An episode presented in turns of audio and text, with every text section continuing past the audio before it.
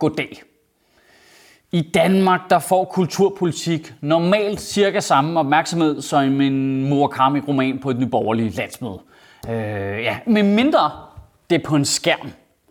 Fordi så kalder man det ikke kulturpolitik, så kalder man det mediepolitik, og så skal jeg kraftedeme mig love dig for, at så gider man godt skrive om det i avisen. Det er mystisk, det er som om medierne gider godt at skrive om mediepolitik. Det er lidt spøjst, men alt andet kultur, den dør bare. Altså. Og nu har vi fået et øh, nyt øh, medieforlig i Danmark I, i, igen. Altså, jeg ved ikke, hvad der sker oftest, om der er VM i håndbold, eller om der er medieforlig. Og endnu en gang, så prøver politikerne at slå Radio 24-7 ihjel. Den, den historie, den er jeg begyndt at elske, det må jeg sige.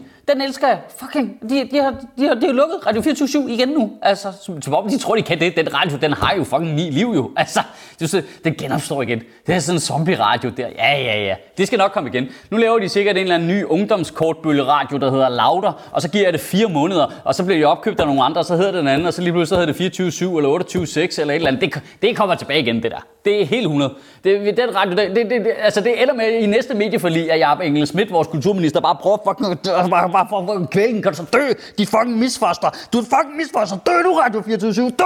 Radio 24 må jo bare have været den vildeste arbejdsplads i Danmark gennem tiden.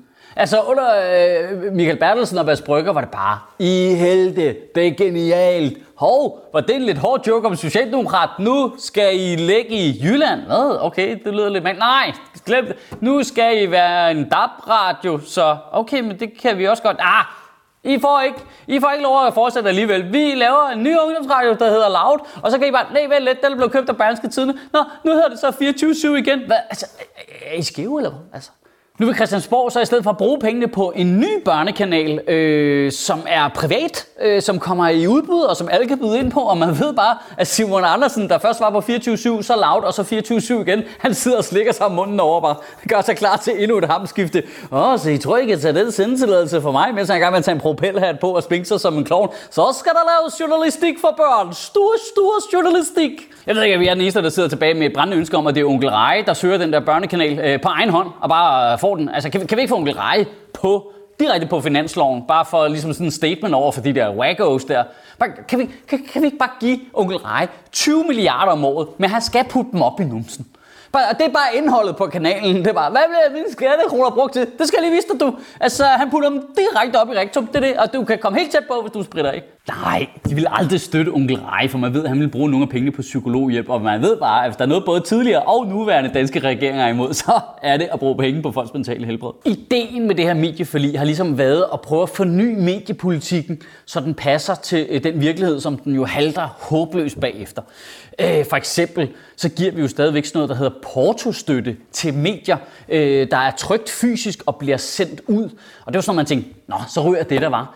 nej, nej, nej, nej, nej, den holder vi fast i. Altså stadigvæk, øh, og faktisk så binder man støtten op på at det stadigvæk bliver trykt. Der er øh, lokale medier i Danmark, der kun kan få støtte, hvis de bliver ved med at trykke deres aviser fysisk, selvom færre og færre og færre mennesker læser det. Og ellers, hvis ikke de gør det, så kan de ikke få støtten. Så, og så er man helt ligeglad med, at det er bare otte pensionister, der læser det. Jamen, jeg er helt vild med det. Bare, kan, vi, kan vi få fældet noget fucking regnskov i en fart? Du, det kan godt være, at vi skal bruge det til at hive noget CO2 ud af atmosfæren og holde øh, slaget fra klimakrisen i en lille smule i skak.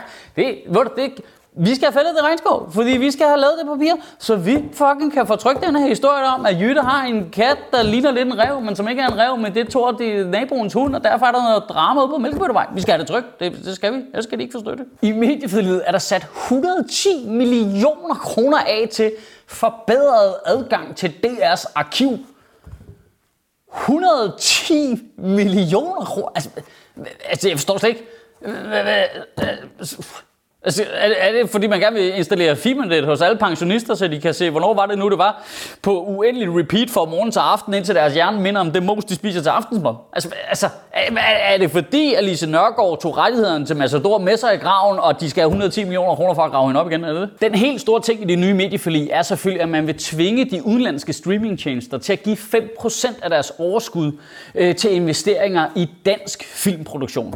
Og det tror jeg nok, vi er mange, der er glade for. Nej, hvor skal jeg bare i biografen og se alle de socialrealistiske film, hvor Paprika Sten og Thomas Bo Larsen kæmper for at få råd til et samtalekøkken, samtidig med at deres børn bliver udredt for ADHD. Det bliver så fedt, jeg glæder. Jamen, de penge, de, ja, som jeg lige siger det, de penge, de kunne simpelthen ikke være brugt bedre. Ej, så skal vi da alle sammen ind og se Bytte, bytte Baby 4 eller Toves Loco, men nej, jeg har det.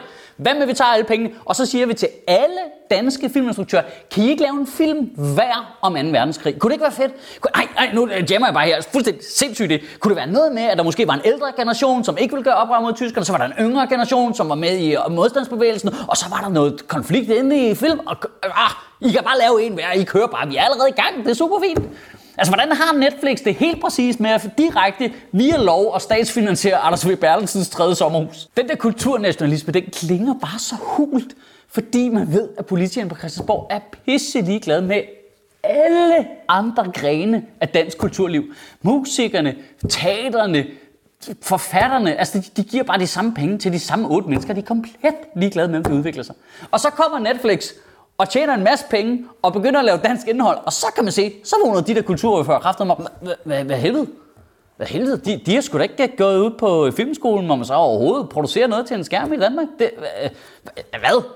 Hold kæft, der, der er sgu da ikke nogen af dem der, der har været med til grillfest hos Abdel. Må man så overhovedet være med i kulturlivet i Danmark? Det, det forstår jeg. Hvad? Hvad?